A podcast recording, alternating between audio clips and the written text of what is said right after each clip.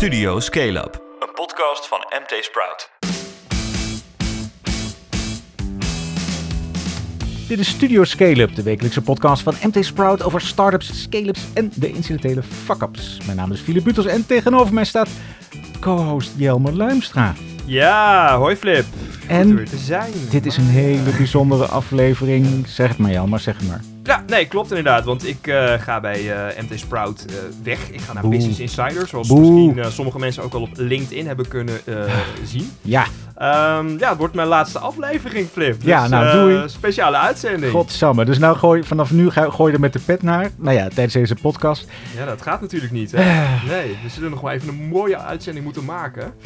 Nou, we komen erop terug, maar een mooie keus. Business Insider, goed medium, hartstikke veel succes. Ja, zeker. Ja, ik ga er ook gewoon onder andere over eh, bedrijven blijven schrijven. Dus eh, ook voor iedereen die eh, tips heeft. je kan me gewoon blijven contacteren. Zoek me op Twitter op en ik blijf wel bestaan.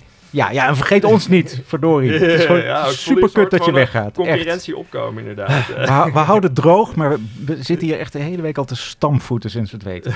nou ja, doe hem dan maar voor de laatste keer, Jelmer. Ja, zeker. Nou, we hebben toch ook zeker weer deze keer een, een main topic. Online vers supermarkt Crisp. Die heeft een whopping 75 miljoen euro opgehaald. De vraag is, wat maakt Crisp tot zo'n smakelijk hapje voor investeerders? En verslikken die zich niet als de recessie straks echt toeslaat? Oeh. Nou, en Flip, er is ook zo weer een eh, fuck-up. Die ga Ja. jij eh, behandelen. Ja, ja, ja. We ja, houden het nog even geheim. We gaan beginnen.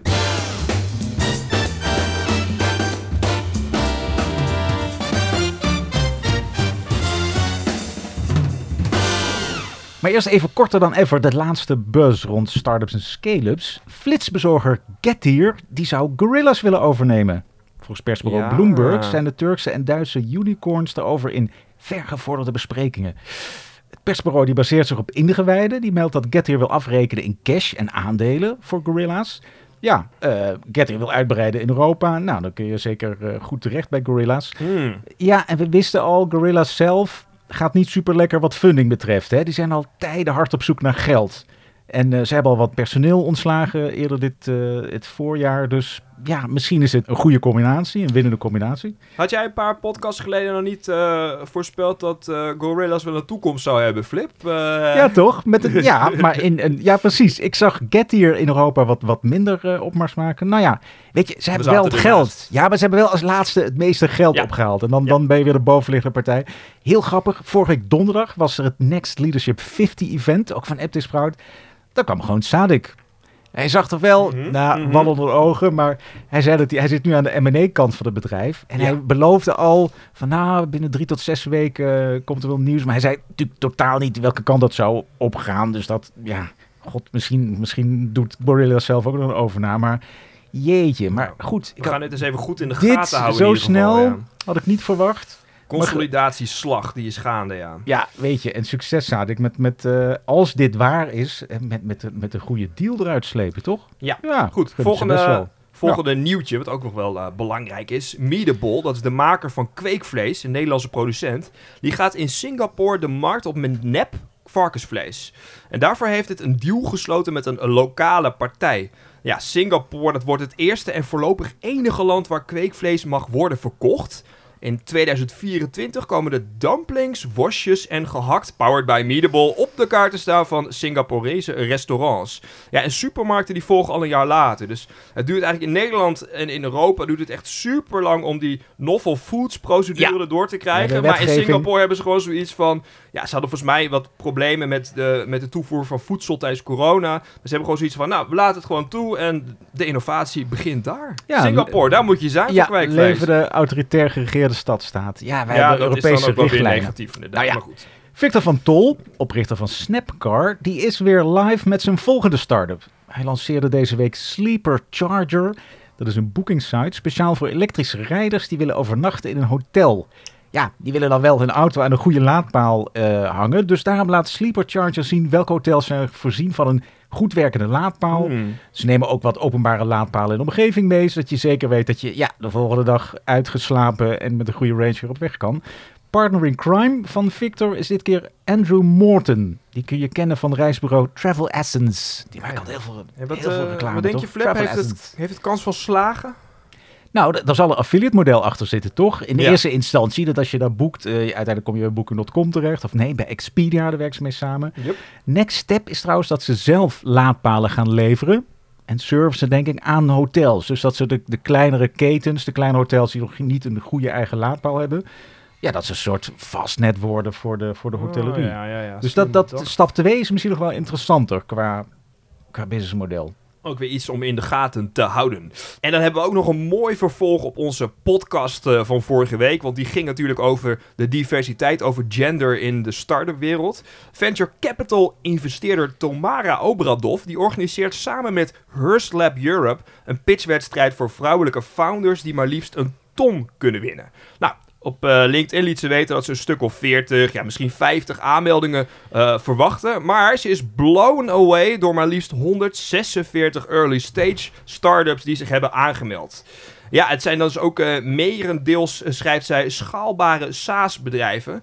Nou, er kan er maar één die ton eh, winnen natuurlijk. Maar eh, Obradov die roept op LinkedIn ook op om zoveel mogelijk andere founders aan kapitaal te helpen. Dus wie wil, Ja. die kan zich volgens mij bij haar melden. Ja, hier, hier. Ja.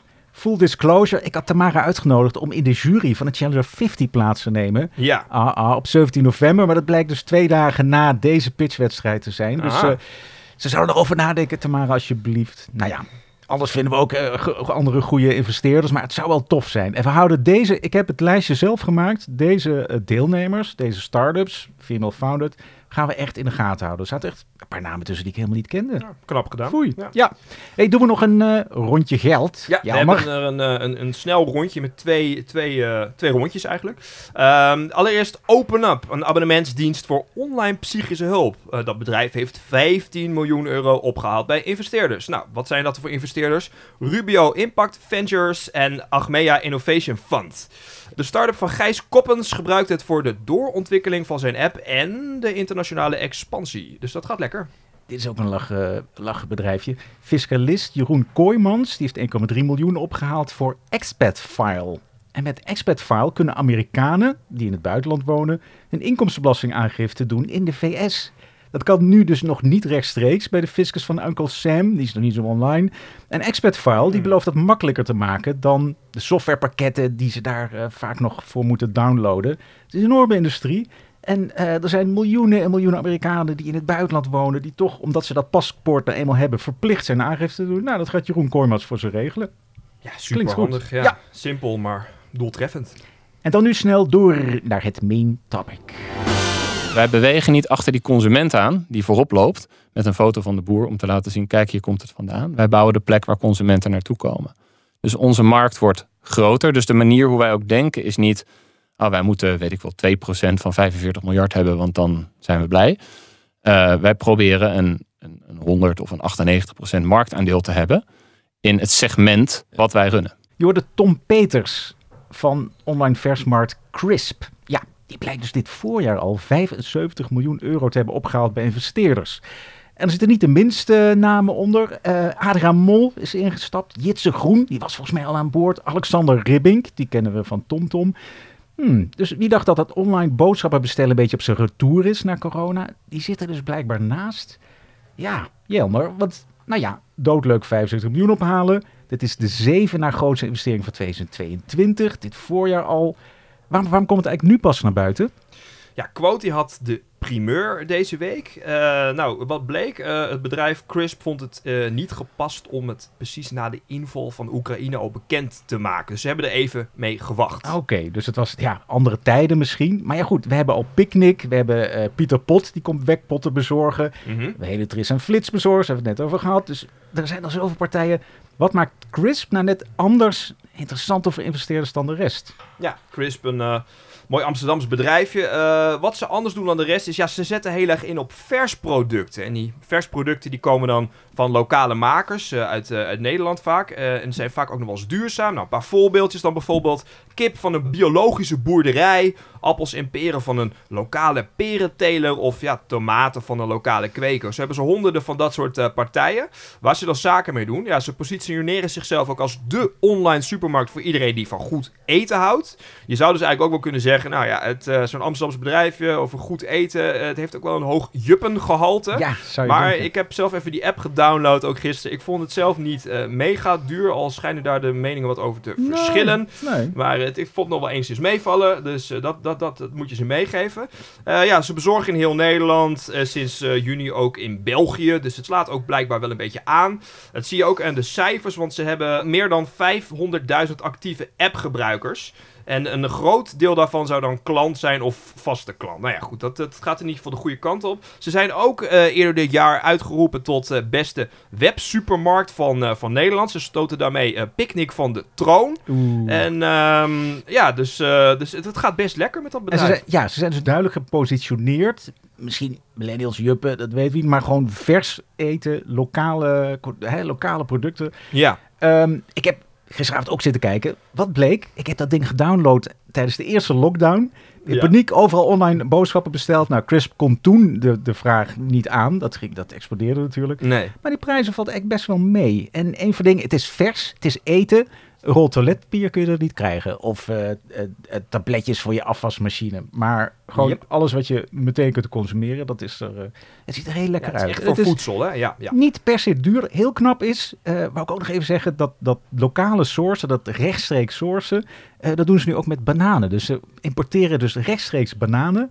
En die zijn dan twee dubbeltjes duurder exact dan bij Picnic, biologische bananen. Maar die twee dubbeltjes gaan naar extra duurzaamheid en extra sociaal verantwoord. eh, Oh, dus bananen zonder tussenpartij. Maar wel wat van wat verder soort- weg natuurlijk. Ja, en een, Ja. een toeslagje van 20 cent. Heel sympathiek. Ja, dat Maar dat, hoe, hoe organiseer ze dat nou aan de achterkant? Dat, dat lokale rechtstreekse inkopen van ze. Ja, nou ja, je zegt het eigenlijk ook al een beetje trouwens. Want wat ze anders doen dan anderen is dat ze zo weinig mogelijk zaken doen met tussenhandelaren. Dus ze doen liever direct met de voedselproducenten zelf zaken. Dus daar halen ze dan ook het, het, het voedsel vandaan.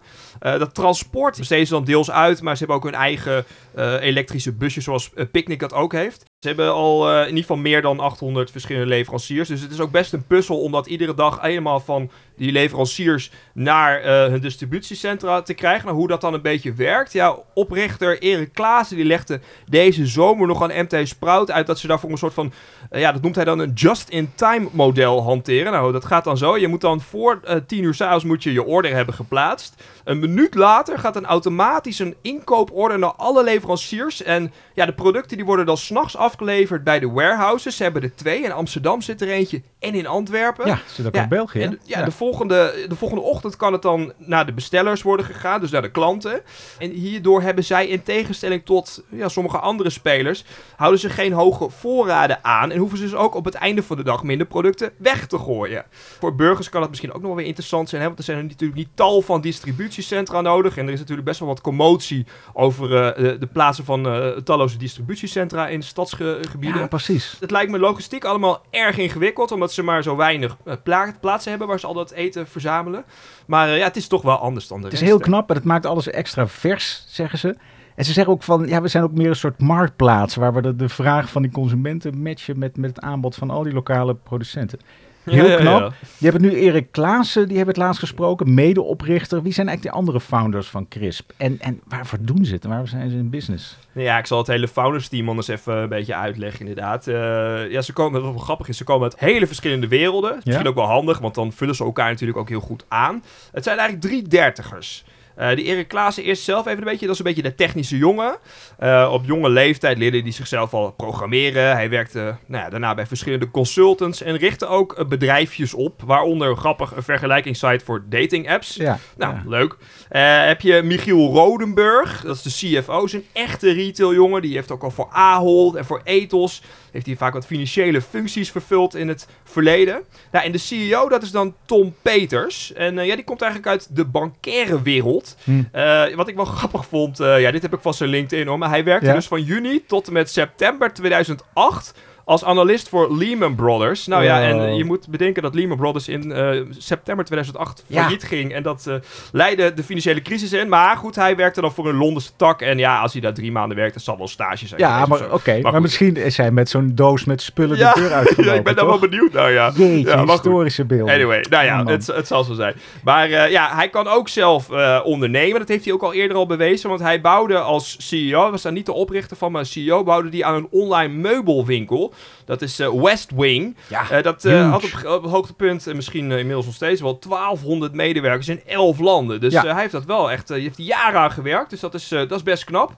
Maar ja, eind 2017 had hij wel weer een beetje genoeg hè, van dat meubelavontuur. En eh, ja, hij houdt zelf ook wel een beetje van, eh, van lekker eten, een beetje kokkerellen. Hij had op een gegeven moment het idee om een online slagerij te beginnen. Want hij had waarschijnlijk gewoon ook wel van, eh, van goed vlees. Ehm, ja, na enige overpeinzingen kwam hij dan toch tot het idee dat hij ja, misschien wel eens wat breder kon kijken. Hè? Meer vers producten, niet alleen maar vlees. Maar er zijn nog meer dingen die je natuurlijk kan eten. Toen is hij samen met co-founders in 2018 Chris begonnen. Wel grappig eigenlijk, ze begonnen... Ja, eigenlijk meteen best wel goed, want ze hadden bij de start meteen 3 miljoen euro bij, eh, bij eh, Angels. Dat kwam dan, zij tot beter zelf, omdat ze een goed verhaal hadden. En eh, ja, Angels waren daar meteen wel enthousiast over. Dus Ja, en een goed zijn. netwerk denk ik ook. ja, ik Ze denk dat dat ook wel meespeelt. Ja, ja. Maar goed, een leuk ondernemersverhaal dus. Ja. Het is een vliegende start. Maar wat mij zelf dus heel erg verbaast... is dat ze nu, of nou ja, misschien een paar maanden eerder inderdaad... zo'n hoog bedrag ophalen. Terwijl, ja, eh, je zou nu kunnen stellen dat corona achter de rug is. Natuurlijk toen eh, ze het ophaalden nog niet helemaal. Maar ja, bijvoorbeeld, je ziet nu wel bij de flitsbezorgers... dat daar, wat we net al zeiden, een ontzettende consolidatieslag gaande is... met Getir en Gorillas. Maar Flip, kan jij nou een beetje uitleggen hoe het komt... dat het Crisp in deze tijden nog lukt om zoveel geld op te halen? Dat snap ik Ja. niet helemaal. Ja, nou dat, dat verhaal daar staat volgens mij nog recht overeind. Ze, ze zijn heel snel gegroeid, heb je net gezegd. Dat, dat, dat blijft, daar komen we daar nog op terug. Ja. En ehm, de helft van het geld komt van bestaande investeerders. Er zijn wat nieuwe, vooral angels, eh, ingestapt. Ja, ze halen dus blijkbaar hun targets. Want die, die groei, die lijkt er nog lang niet uit. Hè? Dus het Nee. blijft een interessante propositie. Eh, dit jaar groeien ze weer 100% in klant en omzet. Heel jammer, over die omzet zijn ze echt gesloten als een oester. Hè? Dus ze willen wel iedere keer zeggen, corona gaf een verzevenvoudiging. Daarvoor ging het al keer zes. Nou, als je bij de Kamer van Koophandel kijkt, daar deponeren ze nog in 2020 in ieder geval geen winst- en verliescijfers. Ook geen omzet. Mhm. Ja, verlies, 8,5 miljoen, tuurlijk. Er moet, moet geld bij, want ze groeien snel. Eh, ze maken wel winst op de leveringen. De omzet van Crisp was in 2021 190 miljoen. Dat Zo. is een schatting van Twinkle. Eh, die stelt jaarlijks de Twinkle 100 op, hè, de lijst van 100 grootste e-commerce bedrijven. 190 miljoen eh, vergeleken met 105 miljoen ongeveer in 2020. Dat is een schatting, maar ze zijn nu dus al goed voor plek 24. Dus ze halen die targets en eh, er gaat ook een hoop geld in. Want zij zeggen, die gebruikers die bestellen gemiddeld voor iets van 85 euro. Dat Zo. doen ze in de regel wekelijks uiteindelijk. Ze moeten wel wennen, dat geeft eh, Tom Peters ook wel toe. En eh, de grap is, jij denkt van, oh ja, een speeltje voor juppen. Ehm, hij gaat er ook prat op. Nee, het merendeel van die bestellingen komt juist niet eh, uit de Randstad, maar daarbuiten. En eh, gewoon voor, nou, driekwart van mensen die gewoon in een normaal huis wonen met eh, een- WOZ-waarde van minder dan 4 ton. Dus hij zegt, nee, we, we zijn best veel breder. En er is dus nog heel wel- veel te groeien. Dat is ook wel een beetje een juppenopmerking misschien, toch? Dat, dat er geen juppen buiten de Randstad wonen in huizen van minder dan vier Oh ja, ton. oh ja. Maar goed, oh, die zijn ja. er misschien wel. Ja, en millennials zijn er sowieso eh, goed verdeeld over Nederland. Nee, maar die, die groei die gaat dus door. Dat kunnen ze bewijzen. Die targets die halen ze. En, en de muziek is er nog lang niet uit. Dus Nee. ik snap wel, ja, dat ze, het is minder heigerig en minder explosief ook Mhm. dan, dan die, dan die flitsbezorgermarkt. Die nu wel duidelijk tekenen van afkoeling vertoont. Ja. Want eh, daar gaan de gemiddelde bestellingen omlaag. Het aantal bestellingen gaat ook omlaag. Dus nee. Nou, Peters had het dus voor het kiezen, zei hij. En ehm, het wordt echt een gezellig clubje. Hè? Want je had Target Global was aan boord. Grote Duitse partij. Mhm. Die ook toevallig in Flink zit. Flitsbezorger. Ook in Nederland in Mm. Lepaya zit. Je hebt de Action CEO Sander van der Laan. Dat is ingestapt. Dat is ook nieuw. En Robert van der Wallen. Dat is die Brabantse klantenkaartmiljardair. Het is wat minder bekend. Ook leuk. Thomas Plantega. Die is Oh, van Vinted. Ja. Die is, leuk. ook, eh, die is ook aan boord. Dus Ja. Ze hadden het voor het kiezen. Ze hebben weer goede nieuwe mensen aan boord. Ehm, Ja.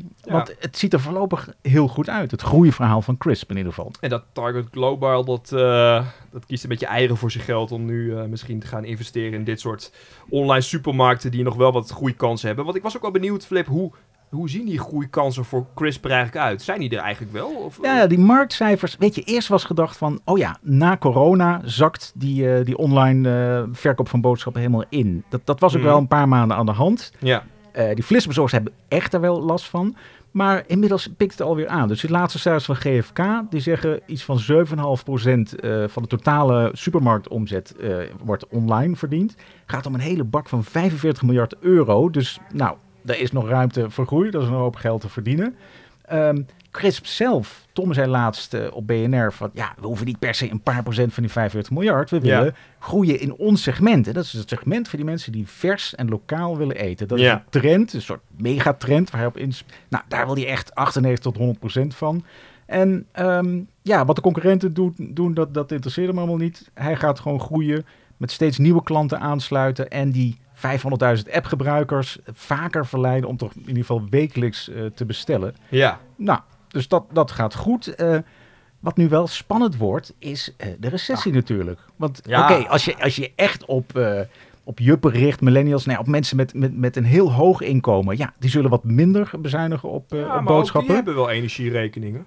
Ja, precies. Ja. Dus ook die zouden kunnen bezuinigen op lekker verse eten. Ja. Nou, mensen in het middensegment, wat hij beschrijft, met een, met een koopwoning van 4 ton. eh, nou, misschien moeten die echt drastisch bezuinigen. Die, die trend is er wel. Laatste rapport van Deloitte zegt...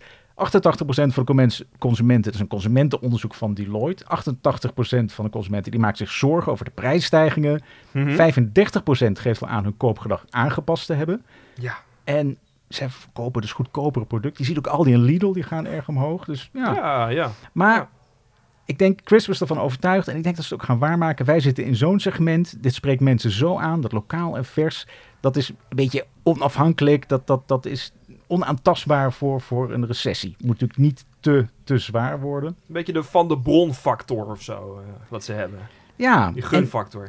Ja en, en per bestelling zeggen ze dat ze nu eh, winst weten te maken. Ja, afgezien van alle kosten die, eh, die ze maken, eh, centraal en in de logistiek. Dus dat zou goed gaan. Ze zijn ook Mhm. niet echt voor winst, want ze hebben natuurlijk voorlopig geld, geld zat. Dus ze hoeven niet echt op winst, winst uit. Het is wel dure groei, zag ik. Want ik krijg om de havenklap krijg ik een shoptegoed van ze. 15 euro, 45 euro. Zo.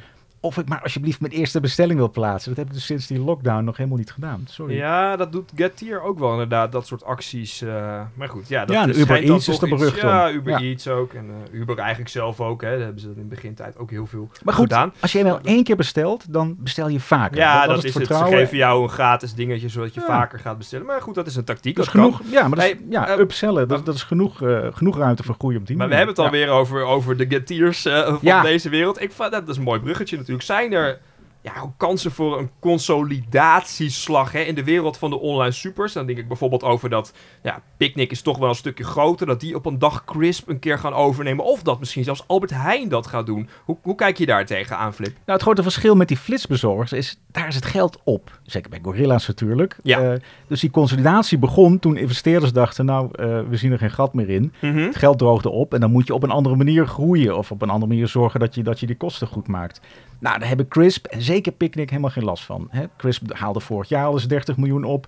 Dit jaar weer 75. Die teller staat in totaal op 134 miljoen. Ja. Nou, Picnic is nog een orde van grootte, groter. Die haalde in september 600 miljoen op bij onder meer dat fondsje van Bill Gates. Ja, Bill en Melinda ja, ja, Gates. Ja, En eh, eerder al een keer een kwart van eh, miljard. En er zitten dan de venten van Vlissingen achter. Hè? SAV, enorm concern. Dus dat kan wel leiden. Volgens mij, hebben, zolang er geld zat is, kunnen ze lekker doorgroeien.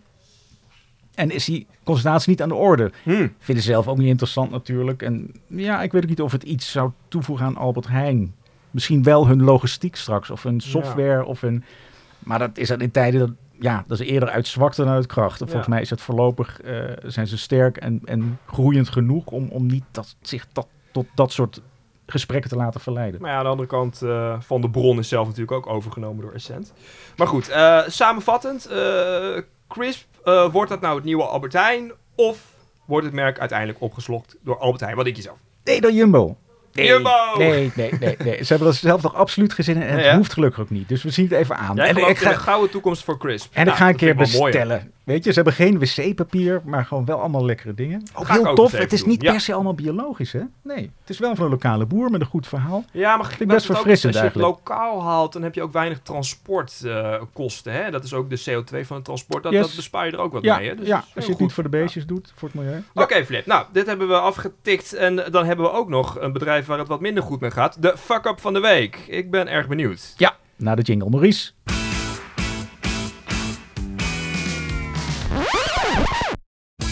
Dankjewel Maurice.